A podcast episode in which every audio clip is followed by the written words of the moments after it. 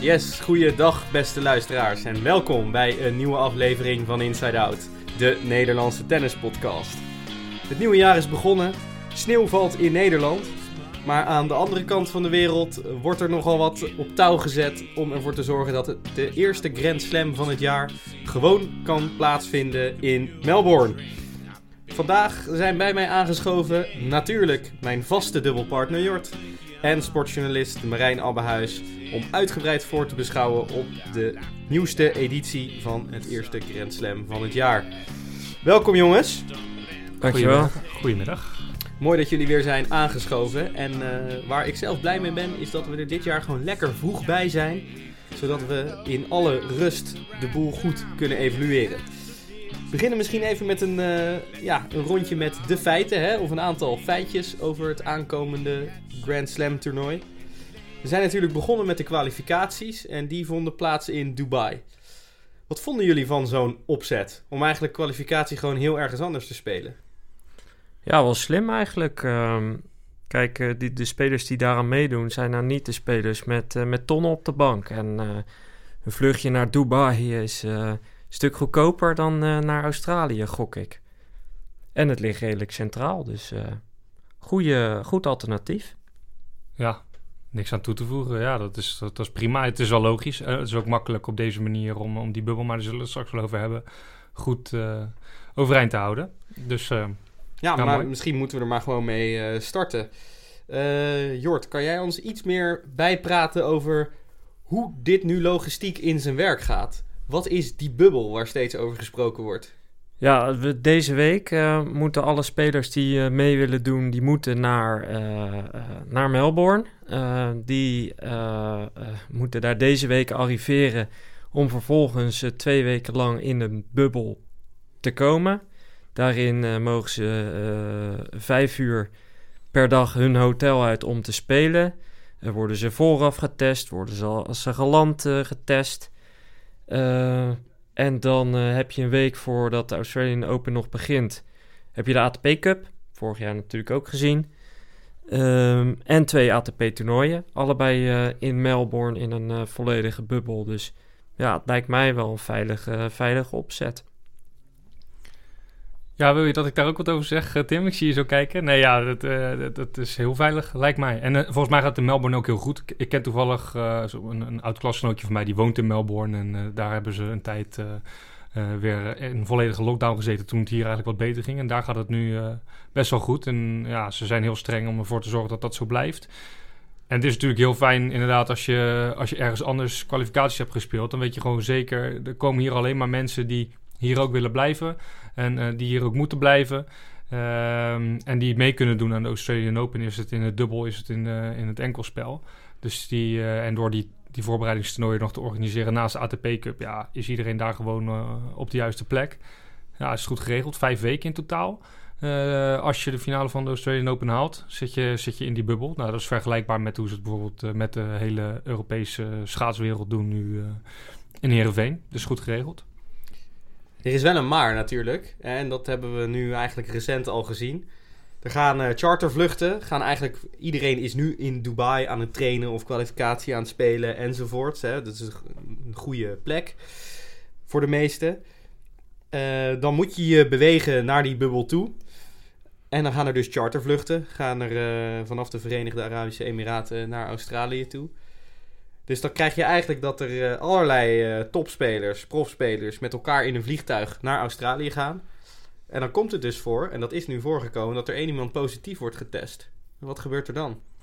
Ja, ze zeggen in Melbourne nu, dan uh, moet, moet iedereen die in dat vliegtuig zat, en voor driekwart ge gevuld vliegtuig gaat het dan om, moet in quarantaine. En die mogen dus niet die vijf uur per dag trainen.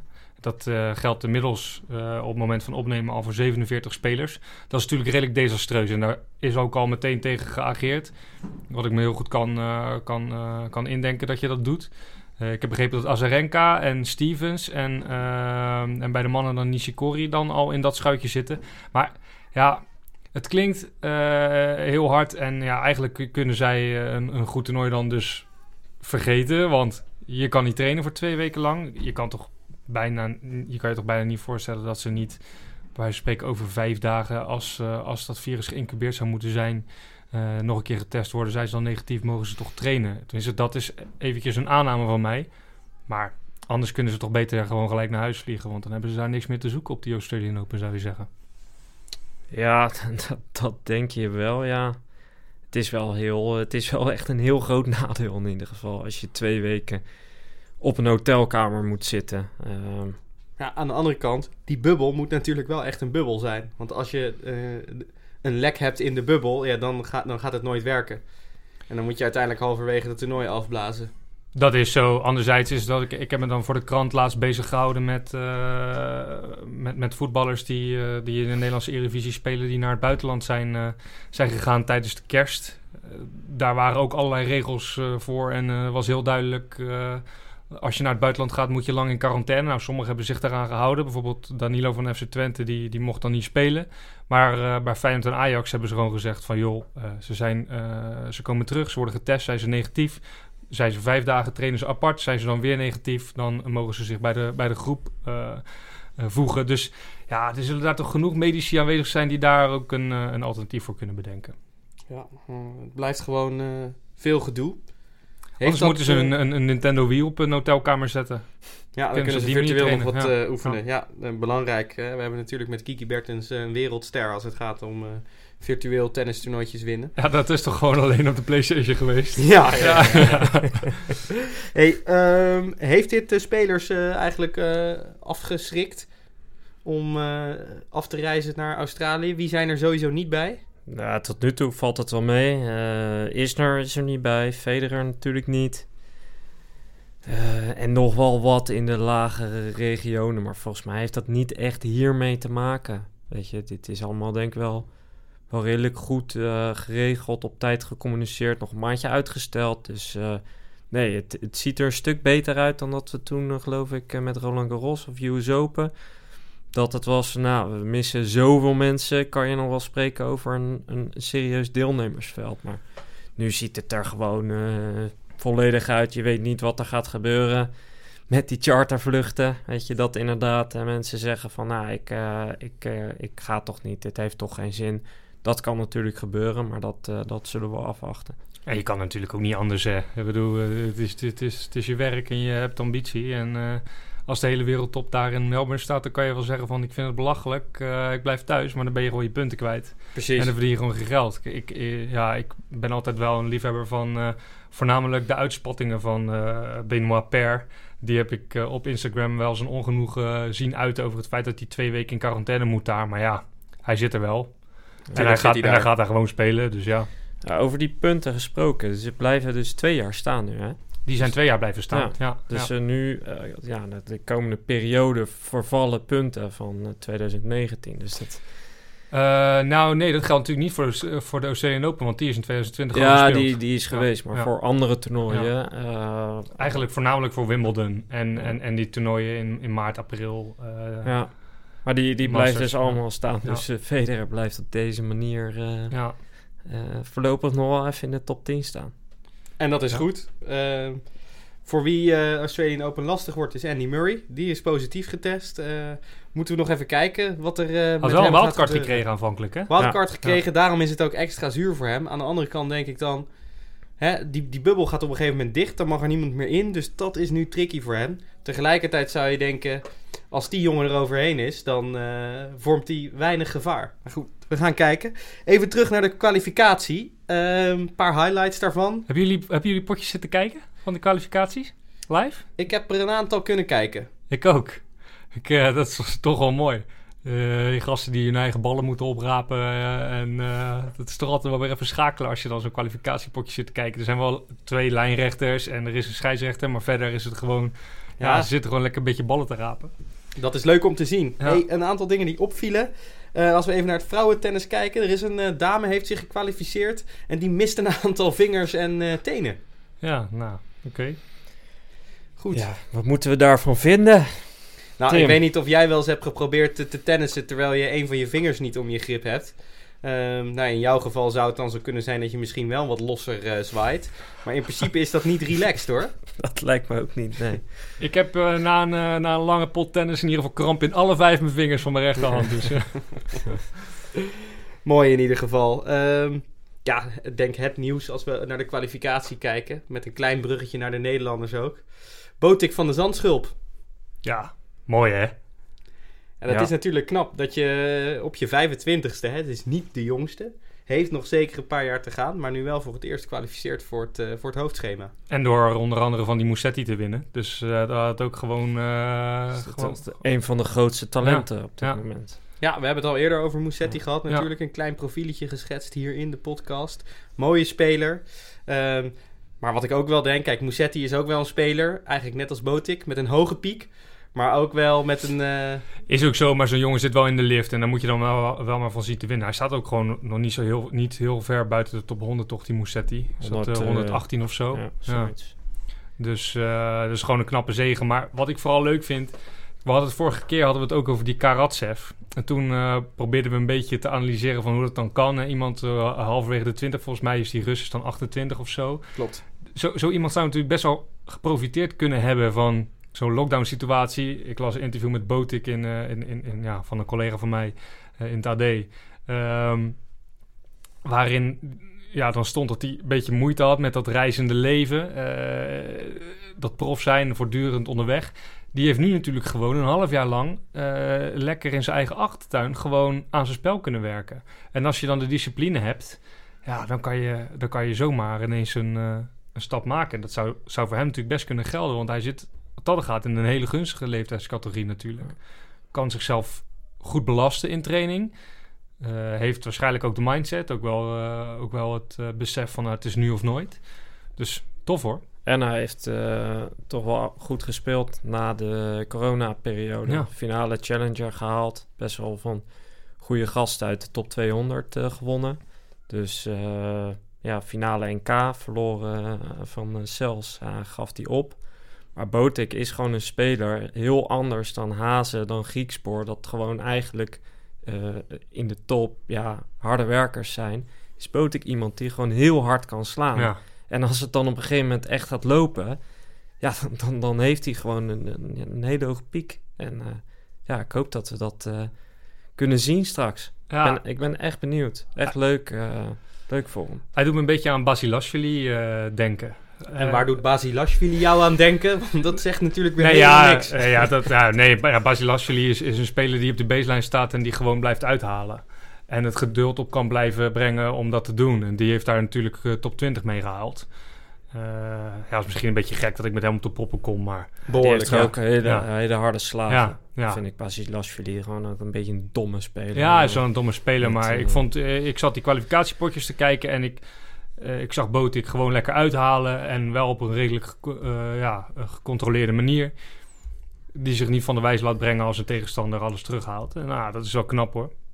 Heel geconcentreerd stond hij gewoon lekker van zijn, uh, van zijn, van zijn groundstrokes te profiteren. Dus ik ben benieuwd. Hopen, voor, hopen op een goede loting voor Botik. Ja, dat, dat kan natuurlijk prima. Hè? Want ik bedoel, niet iedereen zal in 100% topvorm daar zijn. Aan de andere kant, je zit in je hotel vijf uur per dag trainen, je kunt verder niks doen. Misschien kom je wel uitstekend uh, uit de startblokken daardoor. Wat denken jullie dat Jelle Sels uh, ervan zou vinden? Ik bedoel, die, die won van Botik. De, Botik moest wel opgeven, finale NK, hè, maar toch. Zou, zou hij dan ook denken van, joh, weet je, het is echt maar een haar of ik sta daar ook?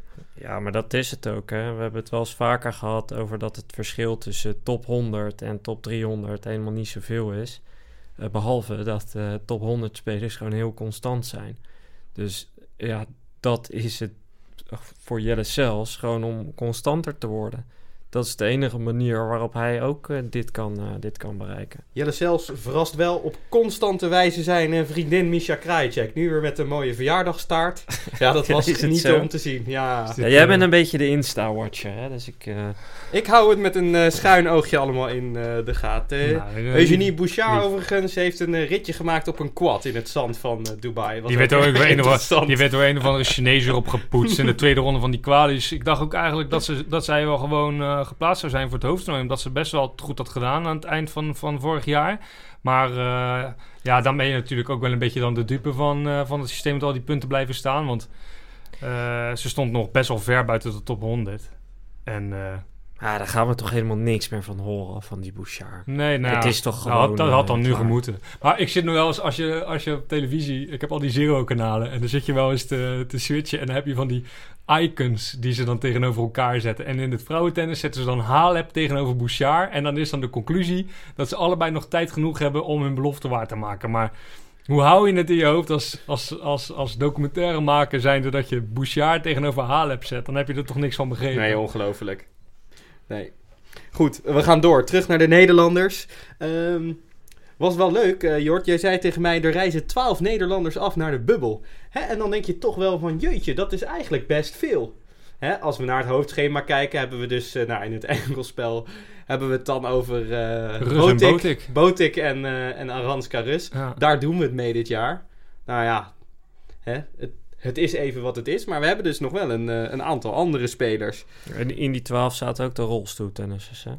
Ja, oké. Okay. Goed okay. punt. Nee, maar zo drie of vier. Ja, tellen even goed. Ja. Um, ja. Waar wilde je het over hebben? Over wie dat dan zijn? Ja, nou kijk. Um, ik denk dat... Um, volgens mij uh, hebben we hier al van tevoren over nagedacht. Wij zijn van mening... Robin Hazen speelt gewoon zowel het enkel als het dubbelspel op de Australian Open. Ja, ja het, het staat overigens, ik heb even gegoogeld, staat overigens nergens uh, in, in, in hoe, ver, hoe ver die uh, in de rij staat om deel te nemen. Want hij heeft natuurlijk derde ronde uh, kwalificatie gehaald en verloren. Was wel grappig. in die tweede ronde, geloof ik, of in de eerste ronde speelde die derde set tiebreak. ik in de wetenschap dat het gewoon tot de 7 was, was tot de 10. Dus uh, bij uh, 8-6 uh, gooide ik uh, mijn telefoon ergens in de hoek en zag ik een kwartier later dat hij toch nog had gewonnen die nacht. dus dat, dat was wel een leuke verrassing. Uh, maar ik heb zelf even gekeken naar de rankings van degene die ook in de laatste ronde hebben verloren. En dan stonden de acht hoger dan Robin Hazen. Ja. Maar uh, er zullen toch wel wat, uh, wat gasten, denk ik, toch niet gaan spelen. Ook met corona, ook met een blessuretje hier en daar.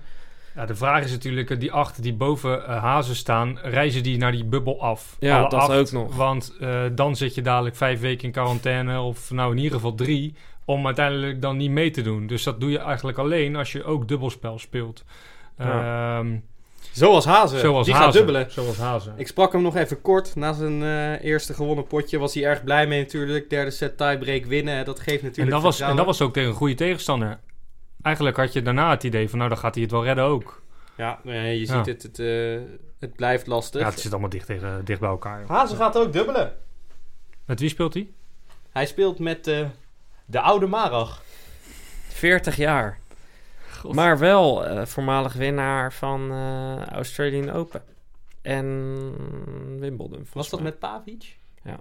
Ja, Marag Pavic. Ja. Ook een, uh, een iconisch uh, koppel. Ja, nee, en uh, Hazen heeft al eerder met uh, Marag gespeeld. Ook succes gehad in de ATP-toernooien. Dus ja, Hazen is er sowieso bij. Die zit in die bubbel. Um, onze voorspelling is dat hij gewoon speelt. Ik hoop het. Ik hoop het echt. Want je moet er even doorheen komen als hazen zijn. Op die manier uh, gewoon op dat hoogste niveau weer een paar punten pakken. Dan kan je ook zomaar weer naar de top 100 toe. En dat zal hij natuurlijk heel graag willen. Natuurlijk, ja. Uh, dan hebben we nog meer in het hoofdtoernooi. Uh, Rosalie van der Hoek. Ja, dus, dus speelt, hij, speelt hij met Rus? Ja, dat is de en, verwachting. Uh, ook, ook daar is heel lastig uh, informatie in, over los te in krijgen. In december heeft ze in ieder geval nog twee toernooitjes met Rus gespeeld. Ook een paar rondjes gewonnen met Rus. Dus dat ja. zou dan logisch zijn. Maar ze is heeft dat, ook met die Belgische... Uh, ja, met Greet Minnen, ja. ja. ja. Dat is een topper, toch? Uh, nee, dat is, dat is en met Bibianne Schoofs heeft ze ook gespeeld. Ja, ja. maar die reist niet af. Nou, dan zal het, uh, dan zal het normaal gesproken met rust zijn. Maar even, is dat dan bezigheidstherapie uh, voor uh, Rosalie van der Hoek, zeg maar, of niet? Want die, staat die top 100 uh, dubbel, Jort? 114. Kom je er dan in? Ja, maar ja, kijk, aan de andere kant ga je voor alleen een dubbeltje afreizen. Misschien ook niet. Hè, dus iedereen maakt daar denk ik strategisch een keuze. En eh, nou ja, anders misschien lekker wat sparren. Ik bedoel, Nee, het is maar ja, daar goed, beter weer dan hier. Lekker vakantietje. Ja. en, eh, Ja, dat is toch mooi? Het is wel een mooi leven. Je, voelt, je bent wel gewoon even vijf, eh, vijf weken lang prof op de, op de best mogelijke manier, bij wijze van spreken. Ja. Je zit lekker eh, in goede omstandigheden, kan vijf uur per dag trainen. Je zit verder een beetje op je hotelkamer, kan op je voeding letten. Vijf uur je trainen slaap. is wel veel hoor. Poeh. Ja, nou, maar dat is, daar ben je prof voor, om dat op te kunnen brengen. Nee, vijf uur is te veel. Vijf uur is echt te veel, maar in ieder geval mooi. Kun je een beetje een luchtje scheppen. En ze heeft eh, tot nu toe, eh, zag ik, eh, 23.000 dollar eh, verdiend in de carrière. Dus dat kan ze prima verdubbelen als, eh, als, ze als ze een paar rondjes wint. Ja, één, één rondje wint in één van die toernooien. Voorbereidingstoernooi plus, eh, plus Grand Slam, toch? Jij denk je al meer dan 20.000 euro verdiend in je journalistieke carrière? Ja. Heel goed. En dan hebben we natuurlijk Kolf. Eh, misschien wel een titelfavoriet. Vriend van de show natuurlijk. En een grote vriend van de show. Ja, Kolf. eh, Hij is vier geplaatst. Kijk, dat Dus, is wel eh, lekker, hè? Vierde geplaatst. Ik bedoel, dat, is, eh, dat is een goede positie. Wel een nieuwe partner natuurlijk, eh Kolf Kubelt. ja, maar dat gaat, eh, dat gaat het een, eh, een sensatie worden. Waar, waar baseer je dat op? Nou ja, een be- beetje getergdheid. Hij was, natuurlijk, eh, hij was natuurlijk ook gewoon goed nog aan het einde van het jaar. En hij was, hij was heel goed eh, bij de finals, eh, ondanks zijn, eh, zijn pijnlijke break-up. Dus het kan alleen maar beter worden. Ik ben onwijs benieuwd. Ja, heel leuk. Wat hebben we verder nog? Ja, Schuurs, die zal, eh, die zal er... eh ik weet niet met wie die tegenwoordig gespeeld. Ja, nou, die wilde natuurlijk met, eh, met Kiki dubbelen. Ja, Maar dat is natuurlijk ook weer gedoe, want eh, ik... ja, ik zat laatst naar het NOS-interview met Kiki Bertens eh, te kijken. En eh, ja, die, eh, die had de Spelen al een keer meegemaakt. Dus eigenlijk had ze, was ze niet gemotiveerd om naar de Spelen te gaan. gaan we weer. Ja, op, in de single. Maar omdat eh eh, Schuurs het zo graag wilde, dacht ze... Nou, dan wil ik dubbelen, wil ik dan wel graag doen met, met Demi. Dat is een geste. Ja, dat is Wat is dat nou? Alsof de Olympische Spelen een bucketlist dingetje is en je streept het af en eh, je denkt, eh, kom ik verder nooit meer. Dat slaat toch helemaal nergens op? Nee, is ongelooflijk. Je wilt toch gewoon spelen, eh, de Spelen spelen als je top 10 van de wereld bent. Je kan gewoon een medaille pakken. Ja, als als het allemaal een beetje mee zit. Wat is het? Vijf jaar geleden won die, die Puerto Ricaanse. Ik zou er eh, voor tekenen hoor, om in de voetsporen te treden van Miriam Oremans. Ja, ja. Maar het is toch ook lekker eh, eh, om daar gewoon een maandje rond te lopen. Ja. Je kan overal bij, want er kan geen publiek bij, eh, neem ik aan. En je zit zelf in die, in die bubbel. Ja. Dus eh, lijkt, me, lijkt me perfect, joh. Ja, mij ook. En eh, Osaka staat onder een grote druk, want de hele, heel het land verwacht dat ze, dat ze Olympisch kampioen wordt. Dus nou, die verliest natuurlijk in de eerste ronde. Dan zou, zou je zeggen, dan eh, wint, eh, de- wint Kiki de- Bertens Olympisch goud. Ja, Toch dat de verwacht niemand. Japanse die geen Japans spreekt? Of eh, hoe zat dat ook Ja, nee, ze spreekt wel Japans. maar ze is natuurlijk, eh, ze, ja, ze komt uit voor Amerika, volgens mij. Of, Nee, nee, Nee, nee. nee, nee, nee, ze komt wel uit eh, Japan. Ja, maar ze woont al eh, eh, heel lang eh, Ja, ja. in Amerika. Nou, anyway, ik, eh, ik zou het wel weten. Als je gewoon eh, wereldtopper bent, dan wil je op de Spelen staan. Maar goed. Punt gemaakt, eh, Marijn. Wij gaan even eh, vrolijk verder als je het niet erg vindt. Maar goed, Schuurs die dubbelt dus niet met Kiki Bertens op de Australian Open, want Bertens is er niet. Nee, als een van de luisteraars weet eigenlijk met wie eh, Schuur speelt, horen we het graag. Wij weten dat op dit moment niet. Duitse misschien? Peschke of eh dubbelde ze eh, Ah, daar dat zou kunnen, ja. Peschke. Misschien dat Peschke weer opgetrommeld is. dat zou heel goed kunnen. Dat is weer het nadeel hè, van zo vroeg opnemen, uh, je voorbeschouwing op de Australian Open. Want we hebben alle, alle lijsten nog niet, alle draws nog niet. Ja, maar ook wel weer mooi, Ja. weet je. Anders Ja. moet je weer eh, wachten tot eh, misschien de tennistafel met een eh, mooie voorbeschouwing komt.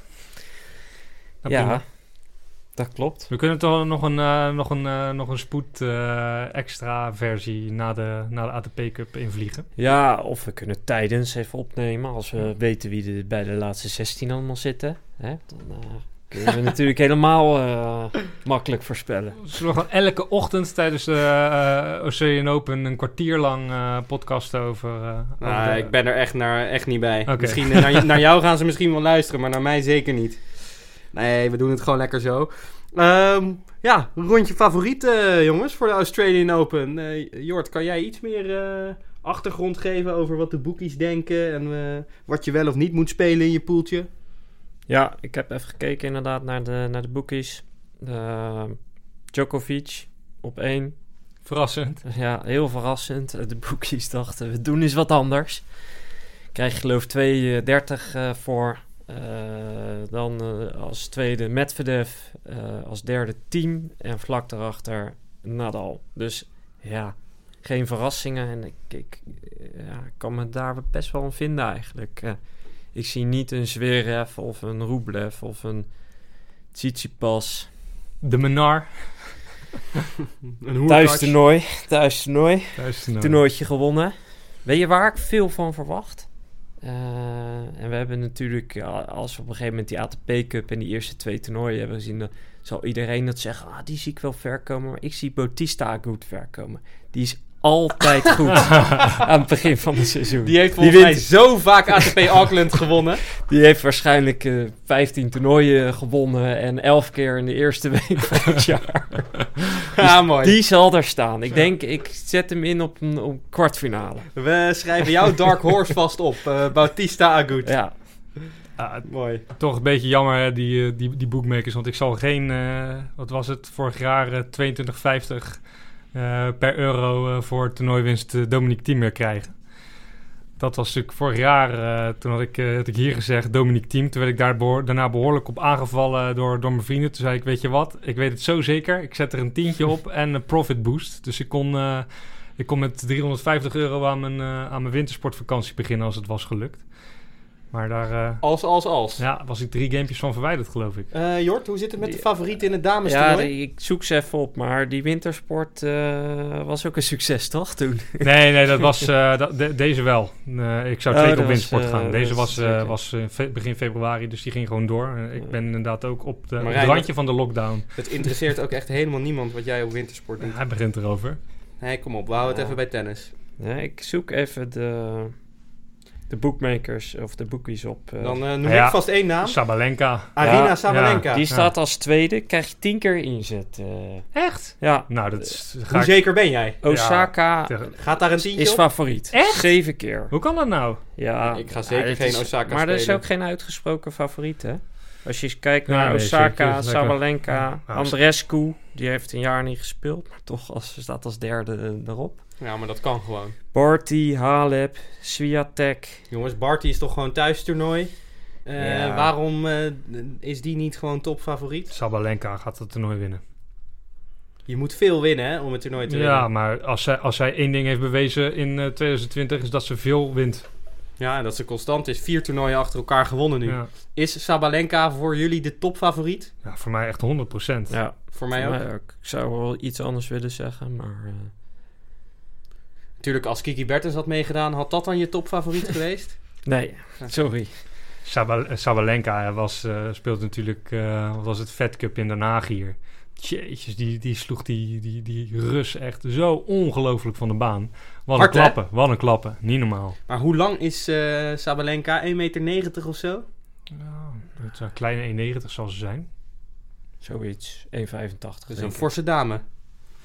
Tja, Kan hard slaan. ja. Ja, dat... eh, Maar goed, wij hebben ook een keertje Sabalenka eh Bertens gekeken op Roland Garros. En toen raakte ze echt geen pepernoot. Ja, maar dat, toen, eh, dat was een paar jaar terug, hè. Toen stond ze nog eh, in de kinderschoenen van haar carrière. Hè, eens, maar toch. Nee, het is allemaal wel wat constanter geworden. En, eh, en ze speelt goed. Dus daar hebben we dan ook wel eh, favorieten mee, denk ja, ik. Ja, wat je dan moet hopen in zo'n rare onderbreking... is dat ze in de ritme blijft. Voor haar dan. Hè. Eh, mij kan het helemaal niks schelen wie de, wie de Australian Open wint bij de vrouwen. Maar als je vanuit haar denkt... dan, dan is dat eh, het belangrijkste wat ze, wat, waar ze voor moet zorgen. Dat ze goed in de ritme blijft. Zij moet niet in zo'n chartervlucht zitten... waar iemand besmet is geraakt. Nee, dan Dat is ze niet de eerste ronde uit. Hey, Eh, verwachten ehm, jullie nog wat van eh, Serena? Of eh, is dat nou wel een beetje klaar?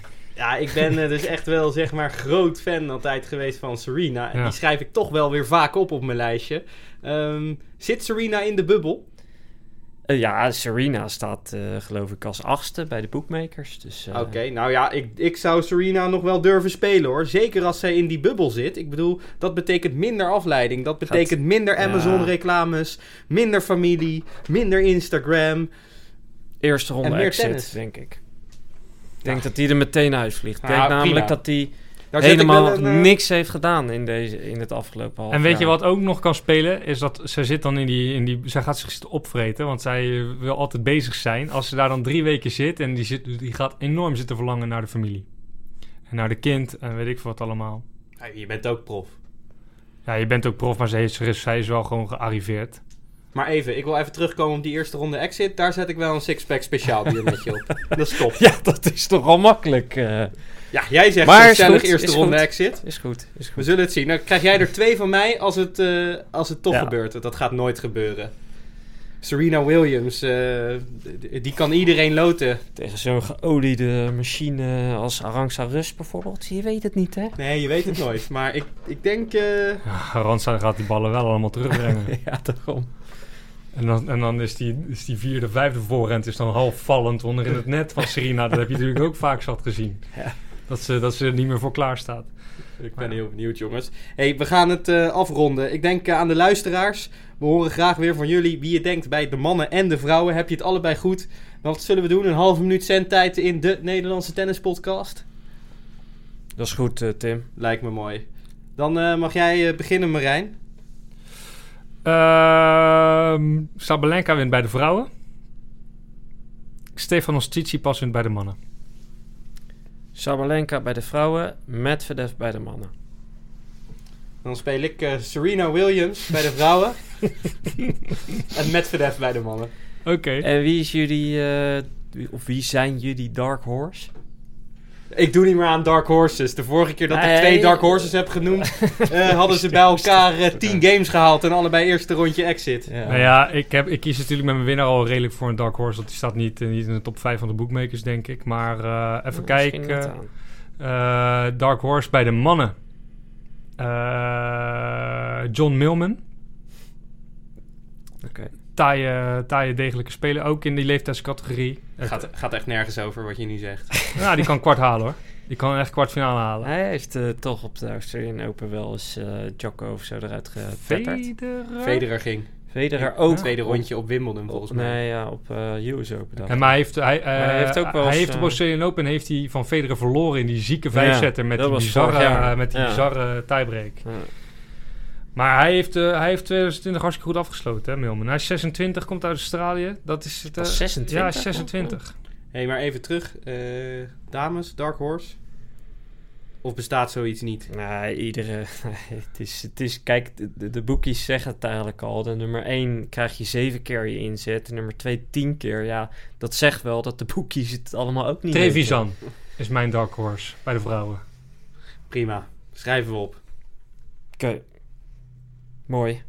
Ja, Jullie ik- doen geen dark horses. nee. Jullie laten het gewoon lekker alleen maar aan mij Ik over. zou het bij God niet weten, joh. Nee. Maar eh, aan de luisteraars, als jullie een goede Dark Horse hebben, ben ik wel heel benieuwd. Ik zou zeggen, als jullie een eh, Dark Horse, laten we het zo zeggen, een speler, er een speler twijfelen over de, over buiten de leeftijd de- van Milman. Is hij niet 30? Ja, Gewoon? joh, die is Ja. gewoon zoeken we zo op. Ja. Maar ehm, eh, weet je wat ik ook wel grappig vind? Dat op nummer 8 in de boekies bij de bij mannen? Bij de staat eh Kyrgios. Ja, ja dat, eh, daar ben ik ook benieuwd naar. Daar ben ik heel benieuwd naar. Nou, wat hij eh, wat heeft vorig jaar echt super weinig gespeeld. Is ook echt ver weggezakt. We gaan het zien. Ik, eh, ik maak nog even mijn zin af van net, als jullie het niet erg vinden. Ja. Eh, luisteraars, eh, favoriet bij de heren, favoriet bij de dames. Heb je ze allebei goed? Is een halve minuut zendtijd in de podcast. Als jullie eh, ook een Dark Horse insturen, iemand die buiten de top 10 staat, en je hebt hem goed, dan doen we hetzelfde. Dus eh, ik ben benieuwd naar jullie inzendingen. John Milman is 31. Precies, nou ja, daarmee eh, In de bloei van zijn leven. een gele kaart voor Marijn in de podcast. Minstens kwartfinale Misschien zien jullie hem nooit meer terug. dus dan moet die honingzoete stem ja, maar in een andere podcast verschijnen. Als je een eurotje op eh Bautista Agut zet, krijg je de 101 terug als hij toernooi. Perfect, dan zet ik een eurotje voor jou op eh, Bautista Agut. Moet je geen profit boost doen, want dan kan je niet uitcashen. Want dat had ik vorig jaar anders natuurlijk al lang en breed gedaan met die... eh, Dit gaan we eruit knippen. Jongens, ik ga ze stoppen. Eh, dit was de voorbeschouwing op de Australian Open 2021. ik heb er zin in. Ik heb er ook zin in. Bedankt voor het luisteren. Laat weten wat je ervan vindt. Heb je nog verzoeknummertjes of andere spelers die we in de podcast moeten gooien? Laat het weten en tot snel, tot de volgende keer. Hoi hoi. Hoi.